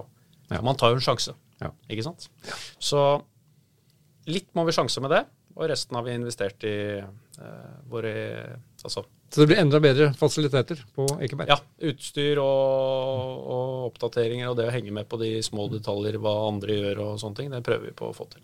Måkebiler, sånne ting. App- eh, Det, er- det er, vi har hatt eh, overganger som er eh, viktige hjelpemidler til å få banen varm, så det, det, det er helt riktig. Lyskaster er jo også Flomlys er alltid Ja, aktuelt. Alt koster. Ja. Alt koster. Um, Jens eh, Dammerud Arnesen. eh, han er eh, inne på eh, dette med eh, kjennskap og vennskap og historie og sånn. Hvordan rettferdiggjør Johs, nå hovedtrener for den nest beste laget i hovedstaden, den åpenbare tilknytninga til hovedstadens beste, spesielt ettersom gapet stadig min minsker? Tenker særlig på egen Twitter-konto. I forhold til tenker jeg på da Vålerenga fotball? Jeg vet ikke, Tvitrer du mye om Vålerenga? Nei, jeg kan øh, kanskje ikke tvitra så mye om Vålerenga nødvendigvis, men kanskje enkeltspillere som jeg har trent og som man har, hatt, eh, har et ekstra forhold til. De, de har jo alltid betydd mye for meg. eh, og mye av min drivkraft i fotballen har jo vært å se at enkeltspillere også lykkes, i og med at det er det jeg har vokst opp med å jobbe for. Uh, så at jeg, eh, jeg har ekstra øye ute og prater mye med de spillerne som, som jeg har jobba mye med. Eh, det, det har jeg, og det er jeg forkjærlig for. Og da er det jo naturlig at de er fra Vålinga, mange av dem. Altså Om det er Gyas eller uh, Ofkir som nå er på vei inn igjen, eller om det er uh, Nakkim eller Nesberg eller altså alle disse, så, så liker jeg å følge på og ha dialog med dem, og, og det har jeg enda. Eh, det er liksom, Man jobber så tett og ofte, og man, hvis man har hatt et gjensidig respekt i, for det arbeidet som er utført, så, så, ja, så har man hatt viktig betydning for hverandre i livet. Da. Ja, for dere har jo fått en del kontakter da, med så lang fartstid. Enormt. Et lite sidespor, men Ivan Nesberg, hva, hva er statusen hans nå? Han hører vi Ivan- lite om. Ja, Ivan, eh, Ivan spiller jo i, er jo i PAOK. Ja, eh, og spilte vel Det er vel tre kamper siden sist han spilte nå. Okay. Eh, men er inn og ut. Det er jo en tøff konkurransesituasjon på et, Ja. helt, et helt nytt land. Så det der er bare kjempespennende. Og Ja. det trenger man. Han har liksom ikke gjort noe annet enn å gå ut fra, fra altså, denne nabogata og opp på Valle og så hjem igjen. Så jeg tror det der også er viktig for Mm. å få litt inspirasjon og ny erfaring. Og så får vi se hvordan, om han dukker opp i norsk fotball en gang i framtida. Jeg tror jo det òg, men Mm. eh, dette her er godt og spennende for den. Ja. Har du enda flere spørsmål? Nei, jeg, jeg har bare lyst til å følge opp litt uh, det Jens uh, det. sa. Ja, fordi det er jo noe med Altså, eh, for oss supportere, eller oss som er utafor, så er det jo klart at det, det der med eh, klubbkjærlighet og, og tilknytning er jo veldig sånn spesielt. Men, men og, og alle som er innafor, sier alltid nei, dette er, vi er profesjonelle alltid, 100 ikke sant? Sånn.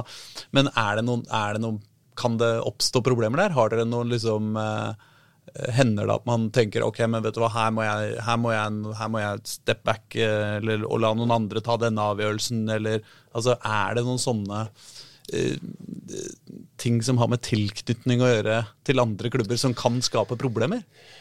Nei, det kan, det kan jo være. Eh, men jeg, eh, altså, ja, jeg har alle de fartsåra i, i Vålerenga, men når Aron skal dit, så er det jo egentlig bare å være en, en, at man kan være en referanse på det som har vært, og at man, de tingene, og at man man sånn sett har en dialog, men det er ikke noe, ikke noe utover, utover det. Så er ikke det noe tilknytning i det daglige. Og jeg er interessert og følger med i Vålerenga. Det er vanskelig etter 14 år å si at man ikke gjør det. Mm. Eh, og jeg, jeg liker å, å, å følge med, og jeg er jo glad i Oslo-ballen generelt. Eh, og det blir man jo. Så for meg så eh, er de tingene som gjør at jeg føler ikke at det, det går på bekostning av hvor glad jeg er i KFM, eller hvor viktig de er for meg der jeg er nå. Eh, Men alle har historie, og den er også viktig. Og på, jeg vet jo at på Twitter-feeden min så har jeg fått litt pepper for at jeg hadde et bilde av et Vålerenga-lag i bakgrunnen. Men det, var jo, det er jo juniorlaget til Vålerenga fra 2012. Og det er jo bildet med Nicolay Næss og Gya Saeed og altså alle de gutta før de slo igjennom.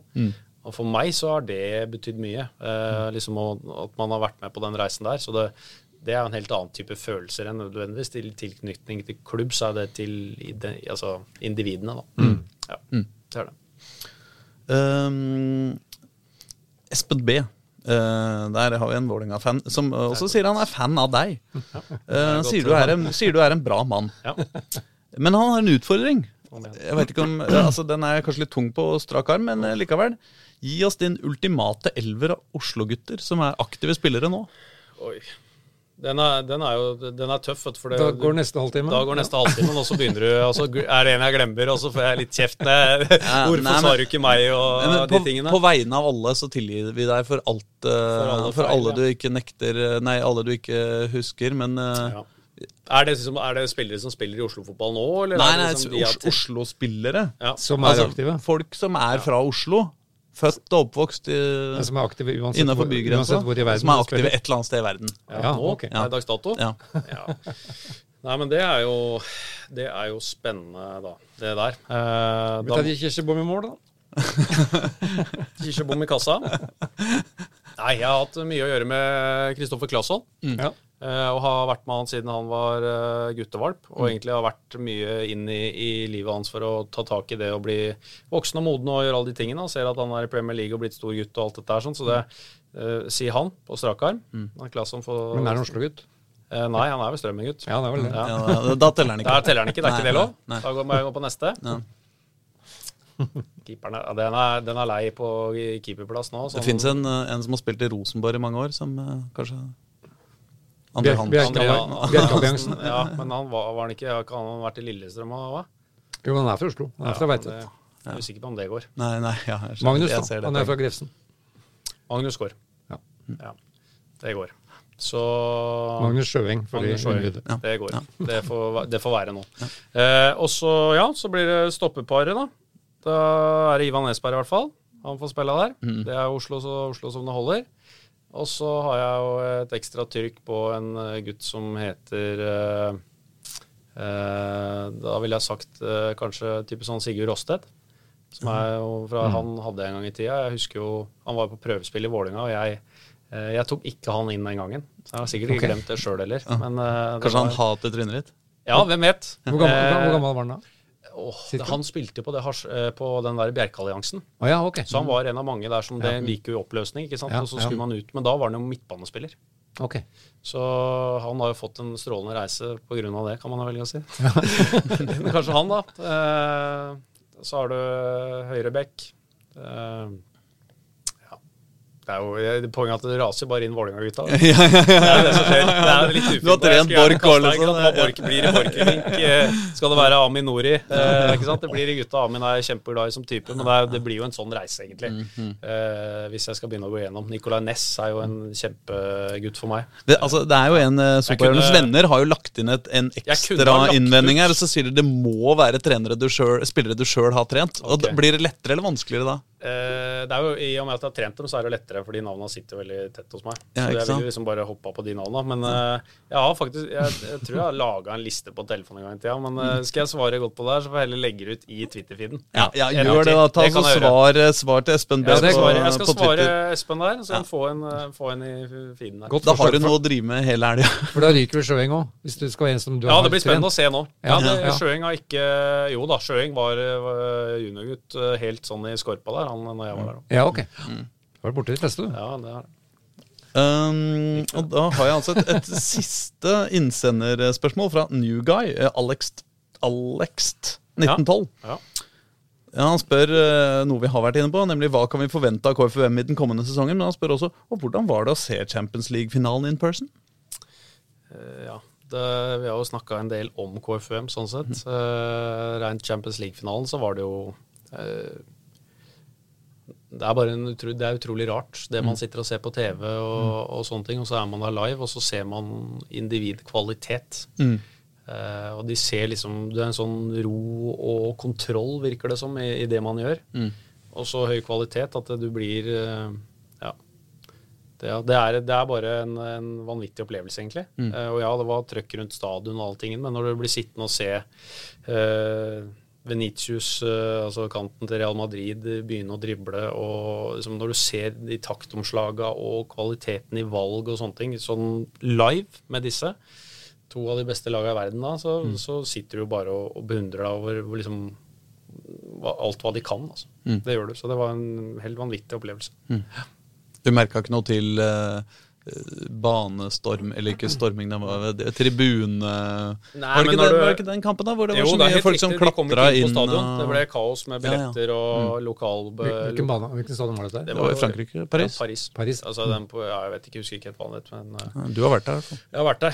Så der har jeg vært. Men uh, det var jo kaos. Det var jo for det, det ble jo nesten angrepet av uh, type eh, g- lokale bygutter fra Paris ja. som også skulle inn og ta billetter og stjele. Og det var helt klatra vi gjerder.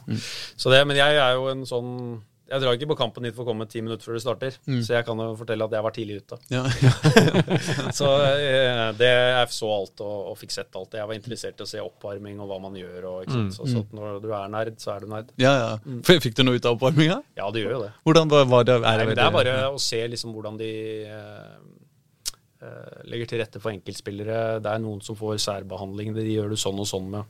Thiago ble varma på Han ble, ble varma på en egen mann. Altså det er masse forskjellige detaljer i ting man kan gjøre. Så, så vet jeg ikke hvorfor, for jeg har ikke spurt hvorfor de gjør som de gjør. Men eh, jeg syns alltid det er interessant med, med å se hva de beste gjør, da. Og så se hva man kan liksom plukke ut og, og bruke av det. Så gammelt fotballverd som har støtta helt ut. Altså fot fotballoppvarming, det er undervurdert som underholdning. Ja, jeg se mener på det. det. Jeg mener det. Som en av mine største fotballøvelser var å se Diego Maradona varme opp fra den åpningskampen i Italia 1990. Men han sto bak mål, så var det å skåre fra bak mål. Sånn at han la inn nok skru i ballen, sånn at den bare spratt tilbake når han, eh, når, han landa på Men det der kjenner jeg, det kjenner jeg godt til. Jeg var på Ullevål for mange herrens år siden. Da så på når Zlatan var ung. Og han, når du sitter og ser på oppvarminga og ser han bare leke med ballen Da var, satt vi bare og, og med store øyer og sperra opp, og nå skal vi hjem og trene sjøl og kikke sjøl. For det, var, det er jo Så ja, jeg er enig. Det er undervurdert å se oppvarming, for du ser de beste spillerne i verden de er ikke nødvendigvis de, de leker nesten litt Ja, på oppvarming. Så jeg syns det er utrolig fascinerende det, å se på. Eller viser de seg fram? God blanding. Ja, god blanding. Men Hva det er en hadde- fin, fin del av fotballen å vise fram òg. Absolutt. Hva hadde Zlatan vært uten show-off, liksom? Helt riktig. Det, det hører med, det. Ja, jeg mener vi trenger det i fotball. Blir det noe show-off på eh, Ekeberg i år? Ja, de skal få lov å jobbe hardt først, tror jeg. Så vi, vi gjør de enkle tinga veldig godt. Og så skal de få lov å, å, å, å utstråle glede og alt sammen, og, og være så show-off de vil, så lenge det har, har en god mening bak seg. Vi er på 1. februar, så det var deadline day i går når, når dette sendes. Mm. Det var dramatikk, dramatikk på Ekeberg, eh, som ikke har med KFM å gjøre, men eh, Vålerenga. Amol og møter ikke opp på trening. Det er litt spesielt.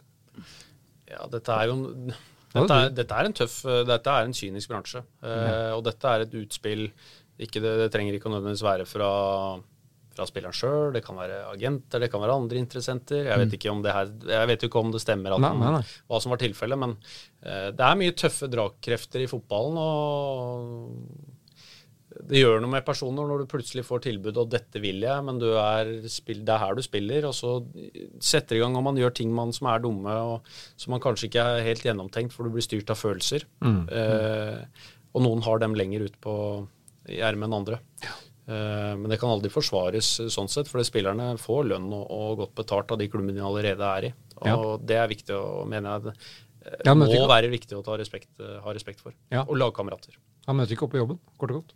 Nei, det er akkurat det du gjør. Ja. Du gjør ikke det. Men Unnskyld at jeg sier det, men eh, Det har vel hendt de fleste av oss en eller annen gang. At vi, At vi ikke har møtt opp på jobben. ja.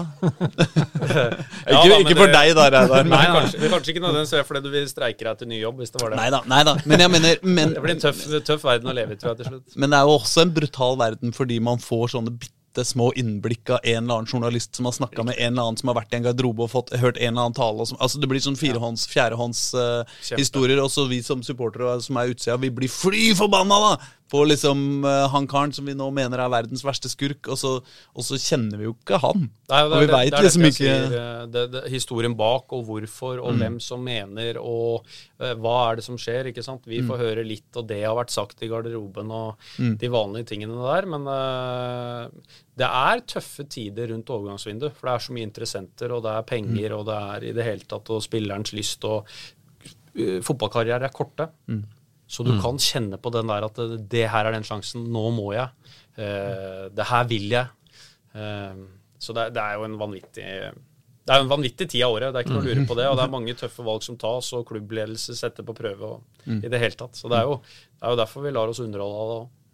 Ja, for nå, mens vi sitter her, da, så, så fikk vi jo melding fra vår mann på Ekeberg, som er der nå, om at uh, Osame da gikk av treninga halvveis i dag eh, for Vålerenga. Fordi han sannsynligvis er blitt solgt til um, Heerenveen. Men uh, når dette kommer ut, så er vel dette avklart. Ja, det er vel sikkert. Men sånn er det. Det er, det er som du sier, det er, det er høyt spenningsnivå. Noen, Det er jo veldig, så- du kan tenke, det er vanskelig. Det er, ikke sant, For dem er det store penger på spill, og, men samtidig så er klubbene med avkastning nok til å kunne erstatte, og det er jo en Mm. og, og hvis ikke du har riktig kandidat klar, med riktig kvalitet Ja. Vanvittig. Ja, så altså, er det sikkert- er på jobb nå, altså. Mm. Så er det sikkert noe med å sette seg Altså sånn og Og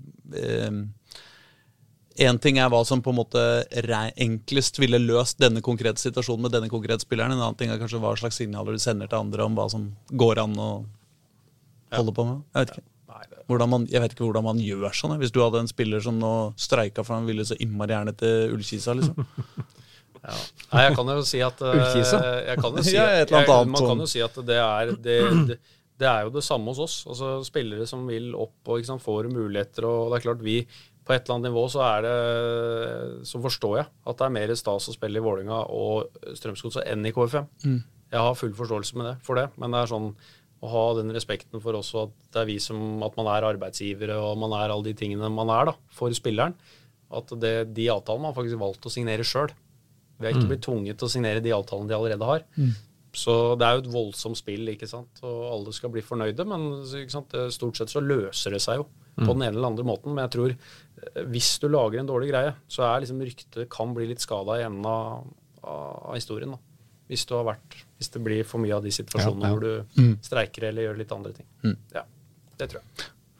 Jeg tror vi skal øh, begynne å glede oss til 2023 istedenfor Ja, men jeg har to, to mer. To, Å ja, to tillegg. For at vi sitter her er to måneder og ti dager til seriestart. Og da må vi jo vite hvordan ser du favorittbildet i den, vår kjære Obos-liga akkurat per i dag. Ja, det skal du få. Jeg tror jo at hvis eh, Kristiansund får eh, opprettholde, og selv om jeg hører at det er kanskje er litt tøffe tider, så har de et mannskap som er tøft. De har en kultur som er tøff å møte. Ja. Jeg har vært der med Vålerenga en del ganger på Kristiansund stadion. Det eh, det er fysisk og det er tøft, og de har mentalitet til å stå i ligaen og vet hva det går i. Ja. Så jeg tror de klarer de det, eller liksom å beholde det de skal og osv., så, videre, så tror jeg de blir det tøffeste laget.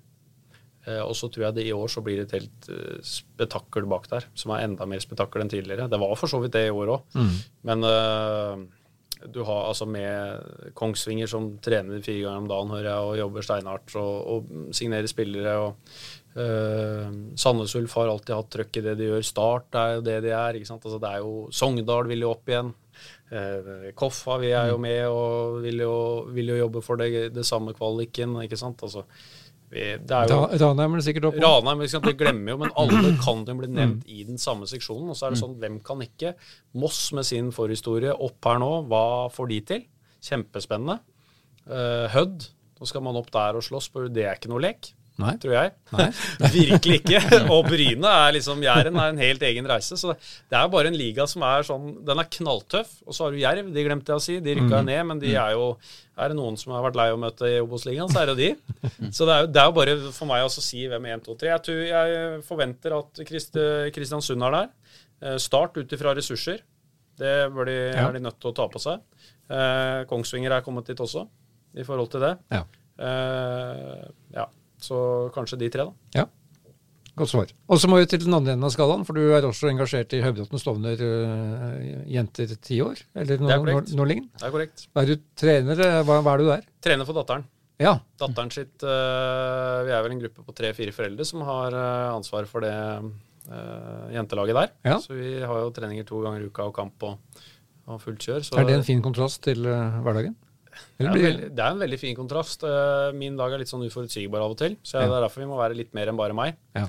Men jeg har alltid prøvd å stille opp og være trener der, for jeg, jeg føler at alle foreldregruppene også forventer det. at, jeg, at, jeg, at jeg bistår. Men det er, eh, det er jo fortsatt den derre da, da får du liksom den leken og den, den gleden å bare se de enkle tinga igjen. Og det, det er jo litt gøy, det òg. Er du en betraktelig bedre trener enn de andre trenerne på det nivået?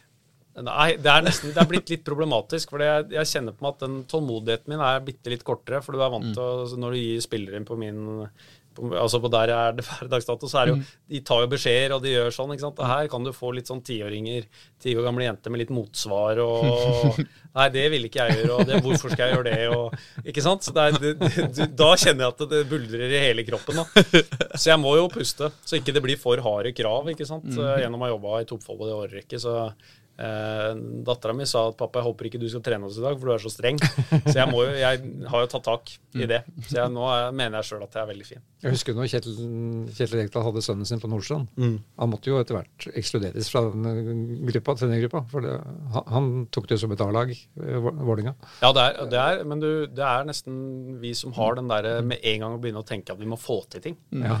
Da kommer den eh, ambisjonen helt naturlig. Det, det slår fryktelig uheldig ut noen ganger. Altså. Så, det, så jeg har prøvd å bare å, ta det med et smil og en glede. Og det er gøy å få være med i datteren min sitt liv, egentlig. ja, det er klart det. Ja. Og det har vi ikke nevnt, kanskje, men Høybråten og Stovner har jo da overlatt toppfotballsatsinga på damer til Grorud. Så de. de overtar etter hvert oh, ja. A-laget til Eller Høybråten og Stovner damer A-lag det er blir da etter hvert Grorud. Det gjør det. ja.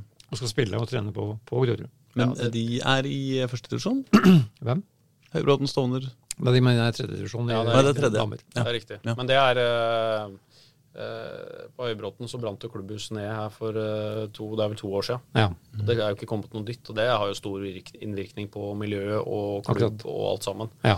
Så det er fryktelig trist. Eksempel hvis du snakker om ting som ikke blir bygd i Ja. Oslo-fotballen, så er det et kjempetap.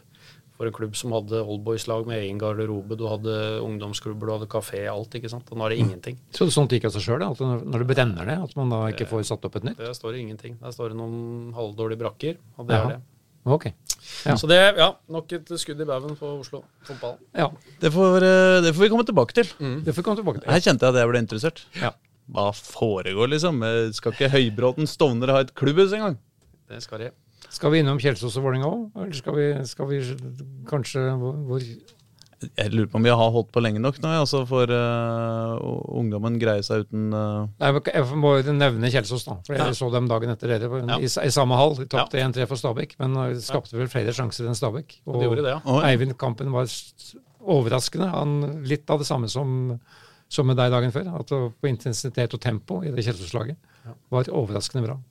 Ja, Kjelsås har jo en, også en helt egen evne til å, å selge og, hente nytt og jobbe og lage kultur. Så det, jeg syns det er eh, gøy da, for Oslo-fotballen at den der, eh, at vi har så mye gode arenaer for spillere som vil opp og fram. Mm.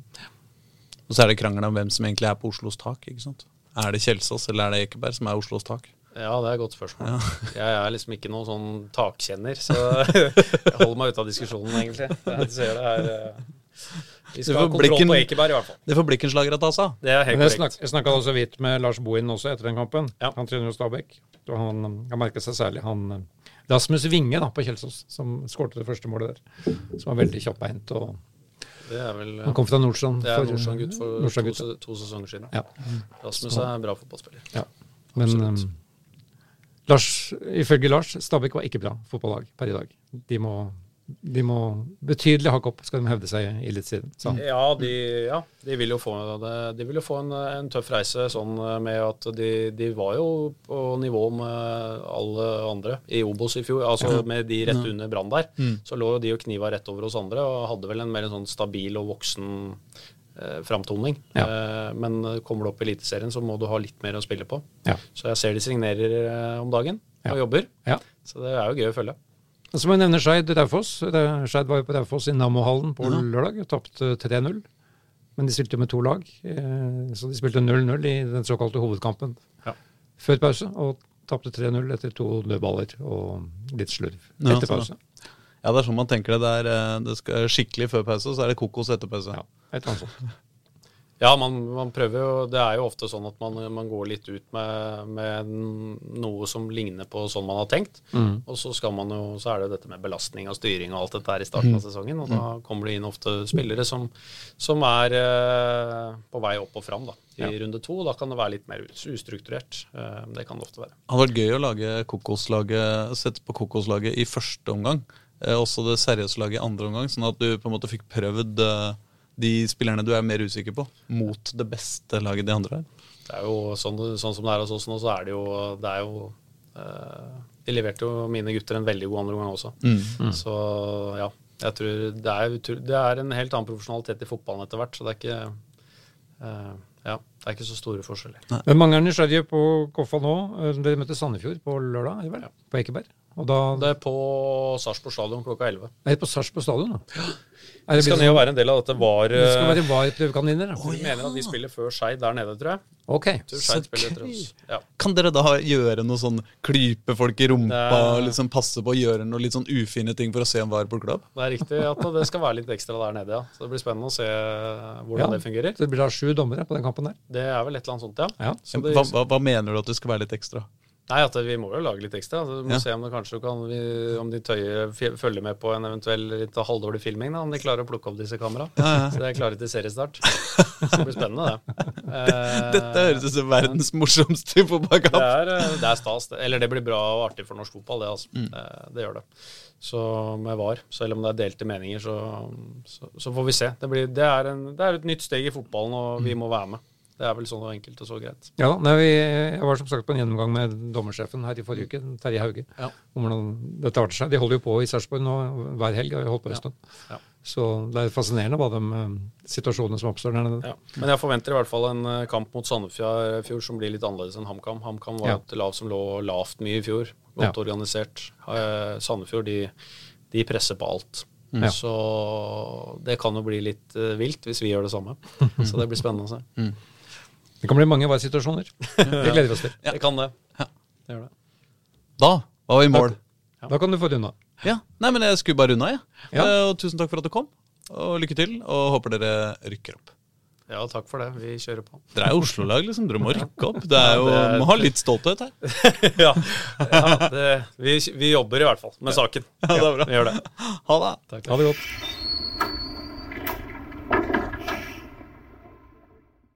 Du har hørt en podkast fra Dagsavisen. Ansvarlig redaktør heter Andreas Heen Haaland Karlsen.